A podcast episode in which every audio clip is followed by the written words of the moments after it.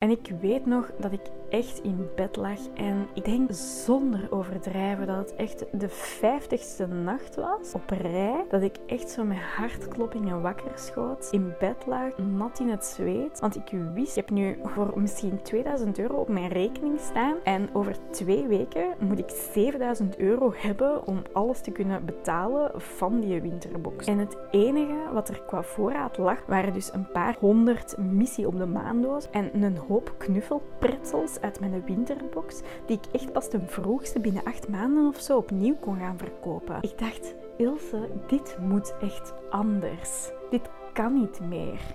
Het lijkt mij nuttig en leuk om al te starten in mijn kindertijd. Als ik vertel over um, de financiële groei die ik zelf heb doorgemaakt. Ik was als kind echt rot slecht in rekenen. Alles wat met cijfers te maken had. Later dus ook wiskunde, fysica. Ik vond het vreselijk. Ik kon het niet. En ik was dus ook zo dat kind dat echt altijd wiskunde bijles heeft gehad. Mm, ik kreeg dat in de school, maar ik moest ook buiten de school één keer in de week naar iemand toe gaan die dan extra oefeningen gaf, die extra uitleg gaf over thema's en zo waar ik niet zo goed in was. Dus dat is bij mij altijd al wel een dingetje geweest. Cijfers zijn eigenlijk altijd zo'n beetje mijn zwakte geweest. En dat werd mij ook eigenlijk heel veel opnieuw en opnieuw verteld. En op den duur is dat ook iets dat je echt over jezelf gaat geloven. Hè? Een patroon ik merkte dat bijvoorbeeld bij vraagstukken.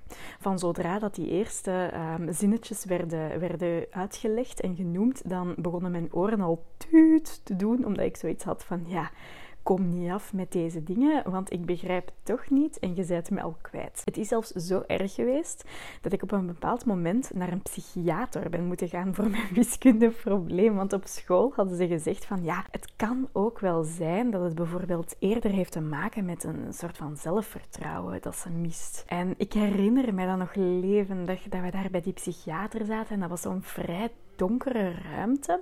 En ik denk ook nog dat, um, dat mijn mama daarbij was. Dat het zo'n soort van verkennend gesprek was of zo. En dat ze mee binnen mocht. Ik, het zou kunnen dat ik me dat fout heb uh, herinnerd. Maar ik, ik denk, denk, denk van wel. Ik weet nog dat die psychiater me echt een super, super makkelijke rekensom voorlegde. Die zei van, hoeveel is 1 plus 2? Ik zei vol overtuiging, ja, dat is 3.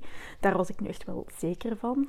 Tot zover lukte het nog met de cijfertjes. Maar die psychiater die bleef echt zo doorvragen van ben je daar echt zeker van? Ik denk dat het vijf is. Maar jij denkt drie. Volgens mij, ik twijfel. Volgens mij is het echt. En op den duur, die bleef, die bleef bijvragen stellen, het in twijfel trekken. En ik denk dat ik toen echt zoals heb gezegd van, oké, ja, ik denk ook dat het vijf is. Ik hield ze geen voet bij stuk. En het laatste dat ik me daarvan herinner, is dat uh, mijn mama echt zo'n beetje boos in de auto stapte. Ik uh, heb zo de indruk dat mijn broer en mijn papa ook aan het wachten waren in de auto. Ik weet nog dat mijn mama zoiets had van, hier gaan we echt nooit terug. Dit is echt niet oké. En ik ben daar heel blij om, want ik denk inderdaad niet dat dat mijn wiskundeprobleem of mijn probleem met cijfertjes echt opgelost had. Nu, daarnaast had ik bijvoorbeeld wel een, uh, een papa die echt zo heel erg bezig was met uh, cijfers. Hè. Die, die goot bijvoorbeeld dingen heel graag in Excelletjes. Ik herinner me dan nog, dat was zo de tijd dat je net Excel zelf voor thuis op je computer kon downloaden. Hè. Voordien was dat denk ik alleen maar voor bedrijven of zo van die dingen. Maar toen kon dat ook thuis. Je kon dat installeren of zo kopen op een CD-ROM. En die had dat gedaan en die was er eigenlijk heel veel mee bezig. Ik weet eigenlijk niet wat dat die allemaal bijhield van cijfertjes of van documentjes. Maar die hadden wel zo een aantal sheets um, waar dat dan dingen in verband met het huishouden echt goed in geregistreerd werden. En later volgde die bijvoorbeeld ook altijd zo de beleggingen en zo heel goed op. Ook mijn mama die was eigenlijk heel erg bezig met geld en met financiën. Ik weet dat hij daar ook echt zo heel zorgvuldig en zo mee omsprong. Dus ik heb zo echt zo wel ja, heel veel verschillende dingetjes van thuis uit daar rond meegekregen. Dat uh, zorgde er ook voor dat ik als student, van zodra ik kon gaan werken, wou ik ook heel graag gaan, uh, gaan werken als shopstudent. En dat was eigenlijk de moment waarop ik zo de eerste keer echt overvloed ervaarde. Want ik werkte als student altijd zo mijn maximum aantal dagen en ik kon daardoor ook echt heel goed sparen. Ik had op dat moment ook geen duizenden vrienden en sociale activiteiten. Ik wou maximum eigenlijk gewoon zoiets leuk voor mijn kamer kopen. Of nieuw van kleding voor mezelf. Omdat ik een hele leuke manier vind om mezelf ehm, expressief uit te drukken. Dat was het dan ook. De rest ging echt gewoon recht op de spaarrekening. En ik weet ook nog dat ik daar heel veel voldoening uit haalde. Ik vond dat wel fijn dat ik dat dan zo, dat ik dat potje zo'n beetje zag groeien. Want ik kreeg daar echt wel het gevoel door dat ik heel verantwoordelijk was. En ja, dat dat iets was dat mij echt lukte. Toen ik in loondienst ging, was het eigenlijk een beetje anders. Toen is het voor mij een klein beetje gekeerd, want ik vond het heel belangrijk om deeltijds te gaan werken. Ik wou nog illustreren in bijberoep. Dat zorgde ervoor dat ik ervoor koos om echt maar een aantal dagen in de week ook echt in loondienst te gaan. Ik heb halftijds gewerkt, ik heb drie vijfde gewerkt, ik heb ook nog eventjes vier vijfde gewerkt. Die uren die zijn eigenlijk heel vaak versprongen, omdat er eh, dan weer personeelsleden vertrokken, waardoor dat ik wat meer uren moest doen en omgekeerd. Dus dat was eigenlijk een, um, ja, een, een heel wisselende periode van inkomsten. En op het moment dat ik zo aan mijn eerste job in loondienst bezig was, was ook het moment dat ik ging samenwonen met mijn partner. We waren ondertussen echt al heel lang samen. En voor ons voelde het dus heel fijn om eindelijk te kunnen gaan samenwonen. Hij werkte op dat moment ook al. En dat was dan zo tof om eindelijk die stap te kunnen zetten. Maar je weet vast hoe dat, gaat. Als je alleen gaat wonen, je hebt echt alles nodig. Hè? Potten, pannen, washandjes, handdoeken. Je kunt het zo gek niet bedenken. Een mat, een zetel, planten, bloembakken, echt van alles. Potgrond. ik noem maar op. Je hebt letterlijk alles nodig. Ja, en ik zat daar met mijn loontje van ja, misschien alleen 1000 euro per maand. Dat is niet zoveel als je op dat moment eigenlijk iedere maand nog best wel veel kosten hebt om je huis mee in te richten, om zo een beetje uw uitzet mee bijeen te, rapen. Dus dat was eigenlijk een periode waarin ik echt voelde van oké, ik kan eigenlijk niet meer sparen op dit moment. Dat is aan zich ook niet zo erg, hè, want die dingen die, die, die, die komen met ups en downs. Er zijn altijd momenten in je leven, geloof ik, waar je iets meer kosten hebt dan anders. Ja, ik, ik had er eigenlijk ook wel een beetje vrede mee, want ik kon uiteindelijk wel echt doen wat ik graag deed. Ik had een een toffe job in hoofdberoep. Ik had nog tijd om te illustreren in bijberoep. Het was gewoon financieel niet ja, heel veel ruimte, maar tot daaraan toe. Ik had tenminste wel mijn vrijheid. En toen kwam natuurlijk het moment dat ik in hoofdberoep ben gaan ondernemen. Ik heb eigenlijk helemaal niet lang in bijberoep ondernomen. Ik ben vrijwel meteen in hoofdberoep gestart. En dat was een wilde. Dat was niet omdat er al iets was. Dat was echt gewoon omdat ik geloofde in mezelf en het idee dat ik had voor Studio Tosti. En ik ben daar dus echt volledig voor gegaan. Hè. Ik had op dat moment ook nog wel wat spaarcentjes aan de kant staan. En ik heb met een stuk van die spaarcentjes eigenlijk mijn eerste voorraad aangekocht. Mijn webshop abonnement aangegaan. De investeringen gedaan voor ons eerste product. En we wisten op dat moment, ik zeg we omdat ik heel veel samen met mijn partner heb gedaan van die eerste stapjes, we wisten op dat moment eigenlijk wel dat we van die voorfinancieringen niet direct heel veel gingen terugzien. We hadden allebei wel zo het realistische idee dat dat eigenlijk een, een soort van lange termijn project ging zijn. Maar we weten allemaal hoe dat gaat. Het is voordeliger bijvoorbeeld om een webshop abonnement voor een jaar aan te kopen dan bijvoorbeeld op maandbasis te betalen. Het is voordeliger als je een product wilt laten maken, om dat ineens in een grote oplage te doen, dan bijvoorbeeld te beginnen met 20 stuks. Dus we hadden zoiets van, we gaan daar verstandig mee omgaan en we gaan echt gewoon een klein beetje risico nemen. Zo moet het ook.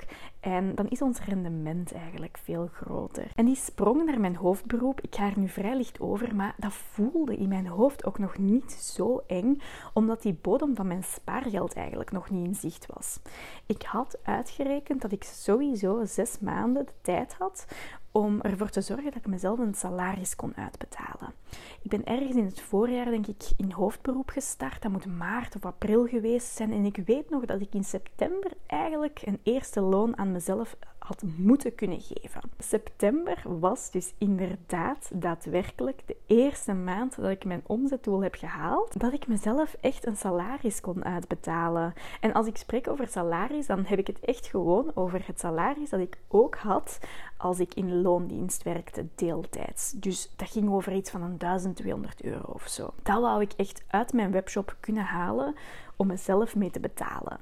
Dat wil dus zeggen dat ik op die webshop sowieso iets van 5000, 6000 euro toen ehm, per maand verdiende. De rest ging dan uiteraard naar voorraad, andere vaste kosten, voor financieringen, cursussen bijvoorbeeld die ik volgde, marketing die ik deed. Dat eerste salaris, dat was er.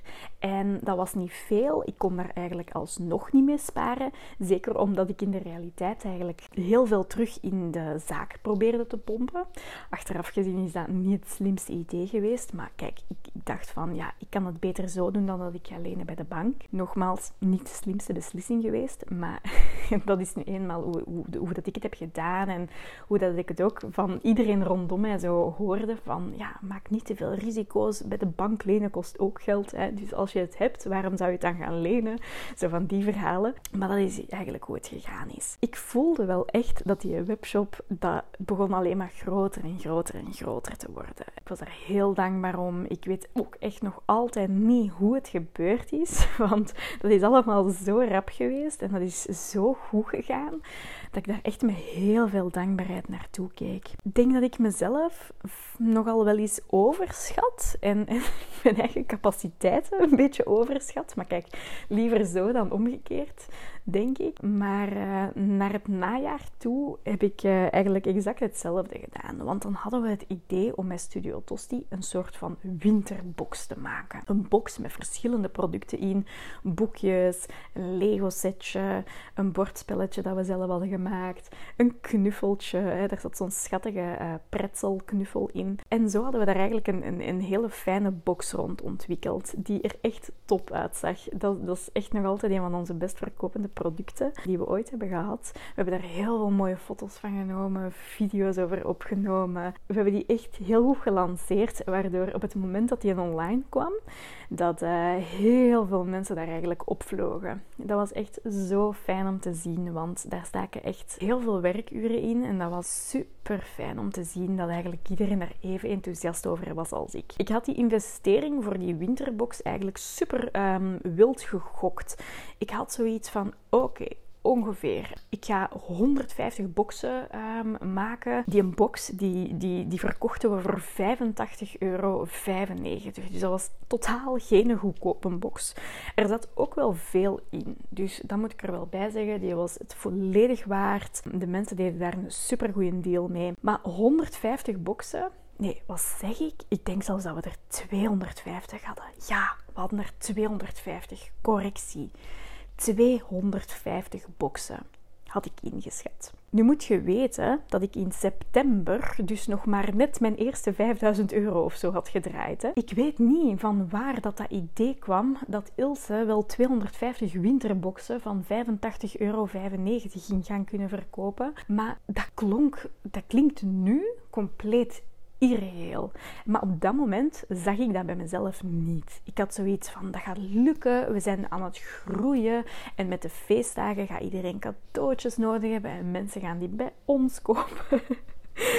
En ja, die wintermaanden die, die, die, die starten. Onze winterbox die had ik denk ik in oktober al online gezet. Toen was die nog niet beschikbaar, maar toen, toen, toen was de pre-order. En toen konden we echt ja, een beetje onze bestellingen al beginnen plaatsen bij de leveranciers. We hebben dan ons eigen drukwerk gefinancierd voor een bordspelletje dat erin zat. Lego, een grote order geplaatst. Die boeken in bulk aangekocht. Weliswaar ook daar weer. We hebben die groot kunnen inkopen, dus we hadden daar een grote marge op. Maar toch, 250 exemplaren, dat was wel wat. Ik weet echt nog dat ik op dat moment ook zo um, mijn pretzelknuffels aan het bestellen was. En ja, dat was echt gewoon een maandloon aan pretzelknuffels die, die, die erdoor gingen. Dat was denk ik echt 2500 euro of zo aan pretzels alleen al. Um, dus dat waren echt wel zo... Dat was het eerste moment eigenlijk, na het aankopen van onze beginvoorraad, dat we echt, echt, echt serieuze investeringen aan het maken waren. En op dat moment zag ik daar echt nog totaal geen graten in. Maar dan werd het zo midden december en ik had zoiets van. Mm, we hebben eigenlijk nog wel best veel winterboxen. Ik ben toen echt dingen beginnen doen. Ik ben toen Facebook-advertenties beginnen maken. Ik ben op Instagram promo beginnen doen. Ik heb YouTube-video's gemaakt over die winterbox. Ik heb verschillende kanalen aangesproken. Ik heb daar flyers van gemaakt. Van alles. Echt van alles en nog wat. Op het moment dat ik begon te beseffen van oké, we hebben hier eigenlijk best veel voorraad nog van die box en dat is niet oké. Totdat je dan op het punt komt dat een box niet meer kan verkocht worden. Hè? Ik weet nog dat we zo als last minute optie toch nog hebben geprobeerd om een paar boxen op te splitsen. Knuffels los te verkopen, de boekjes los te verkopen, het bordspelletje los te verkopen. We hadden dat in het begin niet toegestaan, omdat ik zoiets had van nee, allee, we hebben hier net een keit of pakket rond verzonnen. Het is niet de bedoeling dat die producten nu los verkopen. Maar zo die laatste dagjes hebben we dat dan toch nog gedaan met zo'n idee van oké, alles van cash dat we hier nog kunnen uithalen, is, uh, moeten we gewoon doen, want daarna blijft dit product echt letterlijk een jaar in de kast liggen. Hè? Ja, en toen dat die decembermaand zo wat voorbij was, dan kwam januari. En ik denk dan dat ik die winterbox echt nog zo even in solden heb proberen te zetten. Maar ja, misschien zijn er toen nog drie verkocht of zo, maar echt niet meer dan dat. Ja, en dan kwam februari. En dat zijn zo in de retail echt super stille maanden. En dat was nu echt niet anders. Hè? En ik weet nog dat ik echt in bed lag en ik denk zonder overdrijven dat het echt de vijftigste nacht was op rij dat ik echt zo met hartkloppingen wakker schoot, in bed lag, nat in het zweet. Iedere nacht tegen één uur kreeg ik dat weer opnieuw, zo'n halve paniekaanval.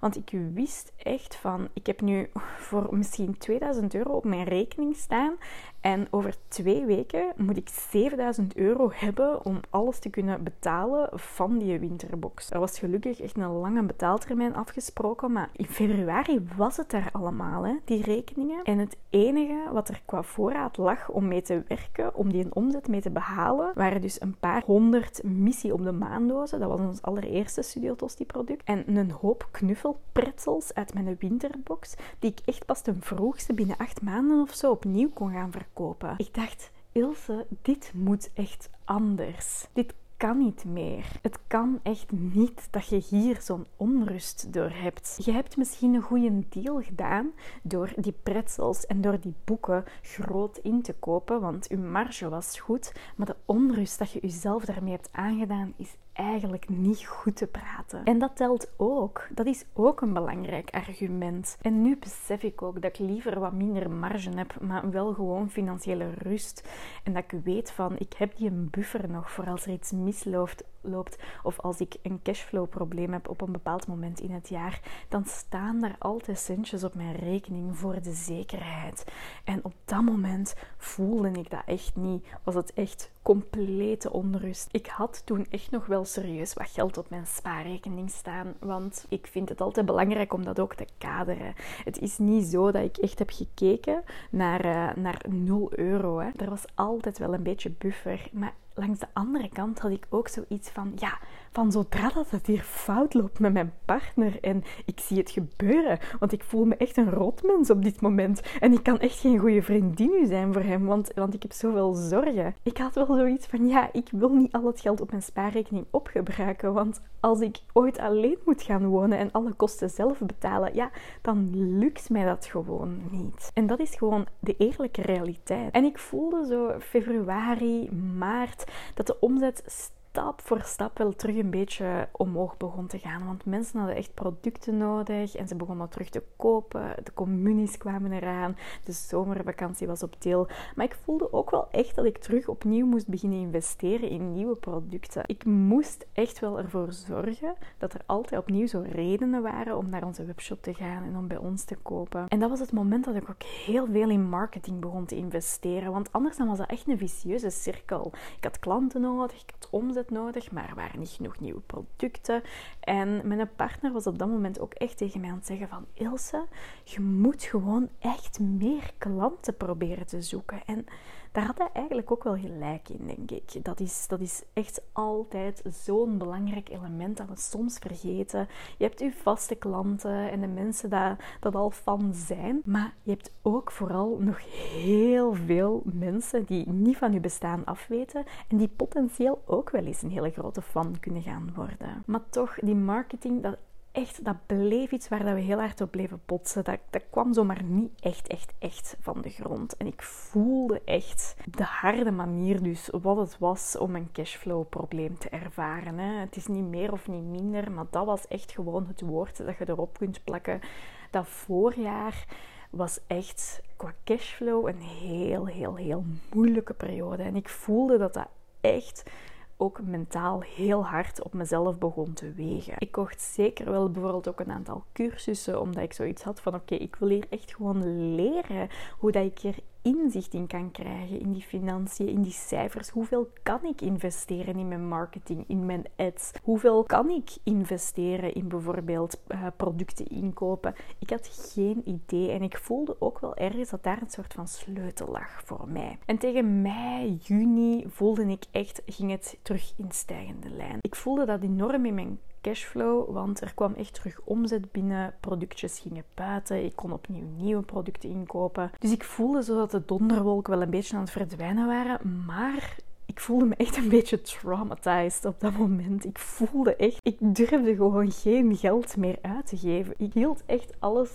zo angstvallig vast. Het angst om zo terug met dat cashflow probleem te gaan zitten. Mijn hele money mindset, waar ik echt zo lang aan had gewerkt, met verschillende cursussen om zo meer risico te durven nemen en te durven ondernemen en te durven investeren.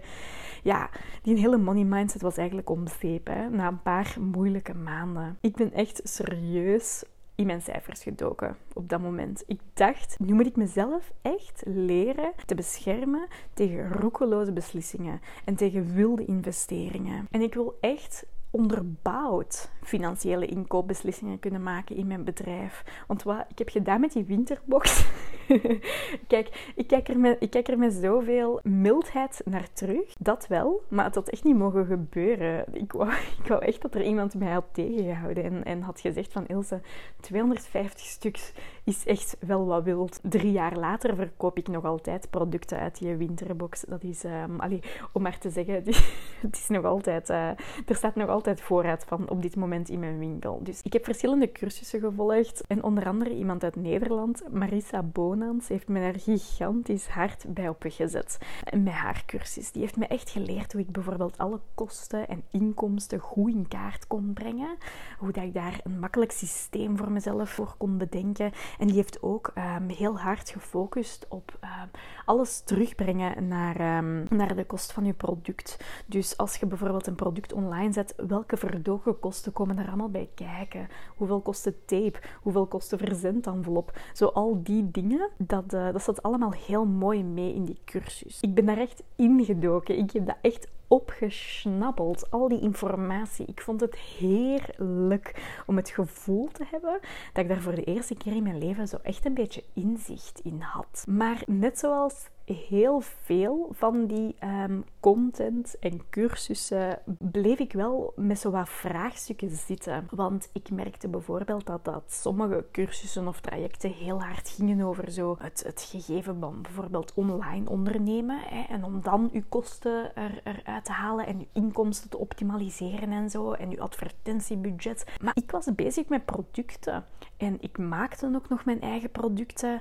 En ik zat vooral met heel veel vragen over zo dat inkoopbudget. Hoeveel mag ik dan inkopen? Wat is mijn budget en hoe splits je dat budget op? Want ja, ik heb bijvoorbeeld seizoensproducten, maar ik heb ook bestsellers die ik altijd wil dat in, dat in voorraad blijven. Maar ik heb ook kapitaal nodig om mijn eigen producten te ontwikkelen. Hoe kan ik dat managen? Dat kan toch niet? Er zijn zoveel winkels hier op deze aardbol. Dat kan toch niet dat er niemand een soort van systeemken heeft van, ah ja, zo bepaal je inkoopbudget. Maar zo leek het wel echt. En vooral ook, hoe kan ik dat inkoopbudget op tijd bijsturen? Want ik vond online wel bijvoorbeeld mogelijkheden om zo een, een omzetdoel te bepalen. bijvoorbeeld, stel nu in december haal je 50.000 euro omzet. Dan moet je dus eigenlijk een percentage daarvan gebruiken als inkoopbudget. Dat vond ik wel online. Maar wat als ik die 50.000 euro belangen niet ging halen?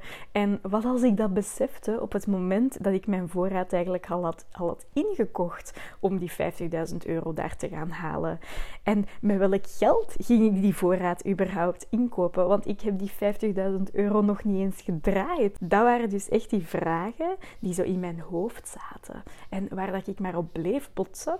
En waar dat ik echt oprecht het gevoel van had dat niemand mij daar een zinnig antwoord op kon geven. Ik bleef er echt enorm op mijn honger zitten. Ja, en ik weet niet wat het is met thema's waar je zo geen informatie over vindt, maar dat triggert iets in mij. Op de een of andere manier word ik dan echt super geeky. Dan wil ik het gaan doen. Dan wil ik het vinden. Dan wil ik de oplossing maken. dat maakt me echt creatief. Ik, ik vind het dan altijd zo'n kans, zo'n gat in de markt. Dus ik ben echt begonnen met daarin een vortex te duiken van template, profit first, inkoopdingen. En ik ben echt zo alles gaan bijeensprokkelen van brokjes informatie dat ik zo hier vond, daar vond. Echt, ik ben in de krochten van het internet gaan zoeken naar alles wat ik potentieel kon gebruiken. Ik ben zelfs in podcasts van bijvoorbeeld winkels waar ik fan van ben gedoken om te horen of dat er toevallig een CEO aan het woord was die uitlegde hoe zijn inkoopbudget uh, bepaalde. Ik ben zo als een zot gaan dingen in mijn winkelmandje zetten. Bij uh, sommige ketens bijvoorbeeld. Um, om zo te zien van oké, okay, 25 stuks hebben ze hiervan op voorraad. Want 26 stuks geeft een error. Dat kan ik niet bestellen. Dus dat wil zeggen dat dat niet op voorraad is.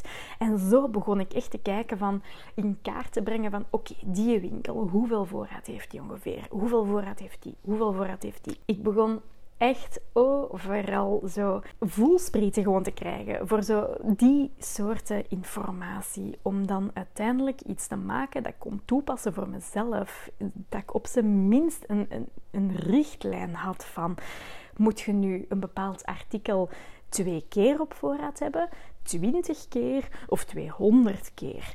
En welke grootorde past bij mij? Wat doen die ketens? Wat doen kleinere zaakjes in, in, in de random winkelstraat om de hoek? Hoe gaat dat? Hoe doet iedereen dat? Hoe langer, hoe meer werden eigenlijk al die brokjes informatie een soort van groter werkend systeem. Dat ik echt zo maandenlang echt goed kon doortesten en nog kon optimaliseren. Ik merkte bijvoorbeeld dat sommige dingen heel veel tijd kosten voor mij om te registreren, om bij te houden. Wat ik bijvoorbeeld echt een, een, een, heel tijdrovend klusje vond, was bijvoorbeeld uh, een cashflow planning maken. Dat is zo'n planning waarmee je eigenlijk goed kan uh, bepalen en inschatten wanneer dat je een bepaald product kan inkopen zonder geld tekort te komen voor andere vaste kosten en andere bijbestellingen bijvoorbeeld. Of, of je eigen salaris, om nu maar iets te noemen. Maar ik wist ik voelde echt dat, er, dat ik er op zoveel tijd in en eigenlijk gebruikte ik zo van die dingen niet genoeg. Dat werkte op de een of andere manier ook zo niet goed voor mij, omdat ik zo iemand ben. Ja, ik, ik leef echt op gevoel. Hè. Dus als ik een bepaald artikel zie dat ik kei graag in mijn aanbod wil, omdat ik daar super enthousiast over word, ja, dan werkt dat voor mij gewoon niet om te zeggen van, ah ja,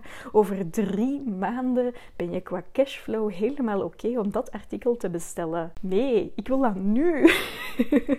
ik wil dat nu op mijn webshop kunnen zetten of in mijn winkel kunnen leggen. Ik wil jullie daar nu over vertellen over dat product en ik wil daar nu omzet mee draaien. Dus zo die cashflow planningen, ja, dat waren zo van die dingen. Iedereen doet dat eigenlijk, hè.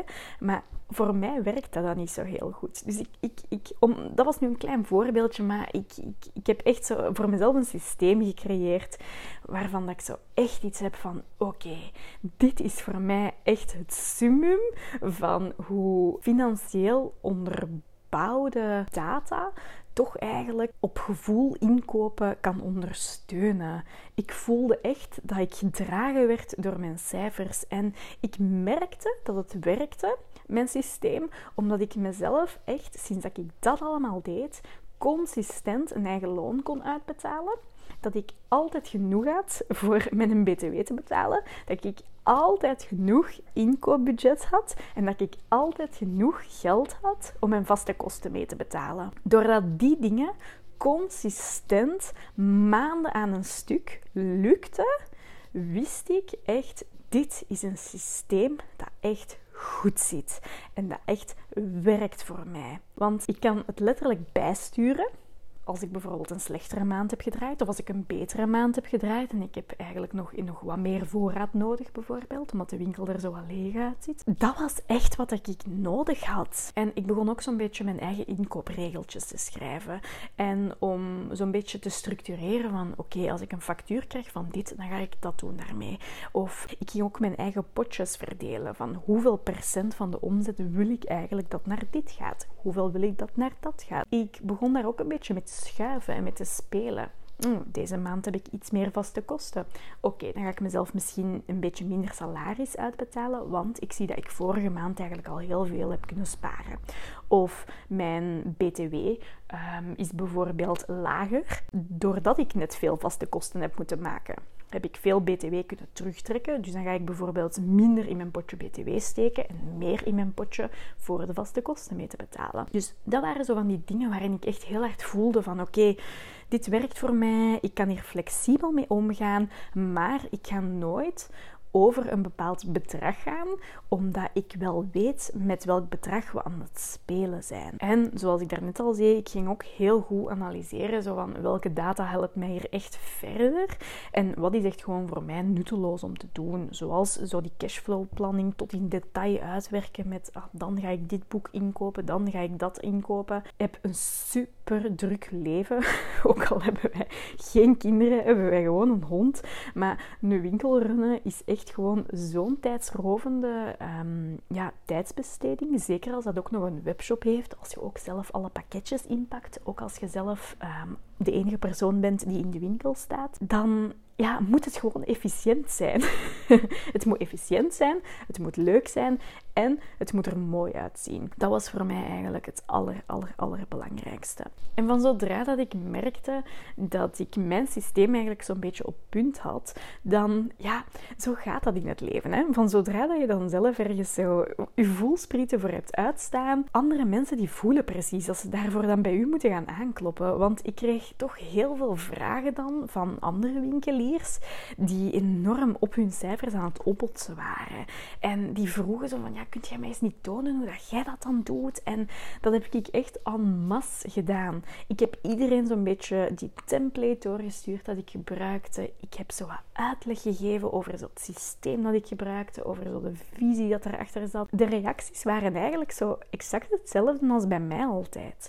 Dat dat inderdaad echt super hard was wat dat die op dat moment nodig hadden. Dat je dat dus nergens vond. Zo een soort van samenhangend geheel. Een goede flow voor je financiën, voor je winkel of voor je webshop of voor je, voor je producten dat je zelf maakt. En vanuit de feedback van die andere winkeliers voel ik dus heel hard van ja, als je het op deze manier doet, dan loopt het niet meer zo dramatisch mis.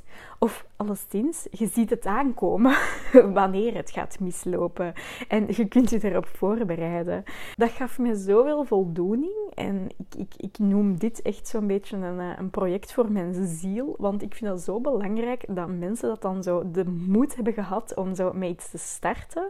Dat die daar dan ook in slagen. En dat volhouden. En dat zo het financiële stuk nooit een reden kan of mag zijn om ermee te moeten stoppen. Want dat is zo, zo, zo, zo zonde. En ik kan me ook voorstellen dat je misschien zoiets hebt van, ja, ik heb nog geen winkel of webshop, maar net dat stuk baart mij zorgen. Ik ben daar niet goed in en ik heb dus het idee dat dat misschien niet kan werken of dat dat niet voorbij is, omdat ik dat niet ga kunnen. Dat is dus ook echt de reden waarom dat ik alles nu in een soort van online cursus ben aan het gieten. Misschien als je deze podcast luistert, bestaat hij al, ik weet het niet.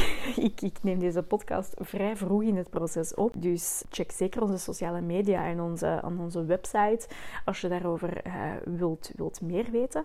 Maar alleszins, dit is dus echt iets dat ik ook aan jou wil meegeven. Want uw financiële basis is echt de basis van uw bedrijf. Zonder dit kan echt letterlijk geen enkel creatief idee uitgewerkt worden, want er is gewoon geen kapitaal. Dat zou ik zo zonde vinden. Ik wil echt waar dat ik ehm, ja, door een winkelstraat kan lopen waar zoveel leuke, kleine, authentieke winkeltjes zijn, die er zijn om te blijven en die niet moeten stoppen na een jaar of twee, omdat het financiële plaatje niet klopt of omdat je er zoveel stress en zorgen van krijgt. Dat is niet nodig. Er is nu een systeem en ik wil u dolgraag helpen om dat systeem ook echt in uw bedrijf lekker te integreren. Te zorgen dat je daar ook echt veel pret krijgt om daarmee bezig te zijn. Eigenlijk net zoals mijn papa vroeger iedere avond zo in zijn Excelletjes aan het, uh, aan het klikken en aan het tokkelen was. Zo wil ik ook dat jij je laptopje of je computer openzet in je zetelke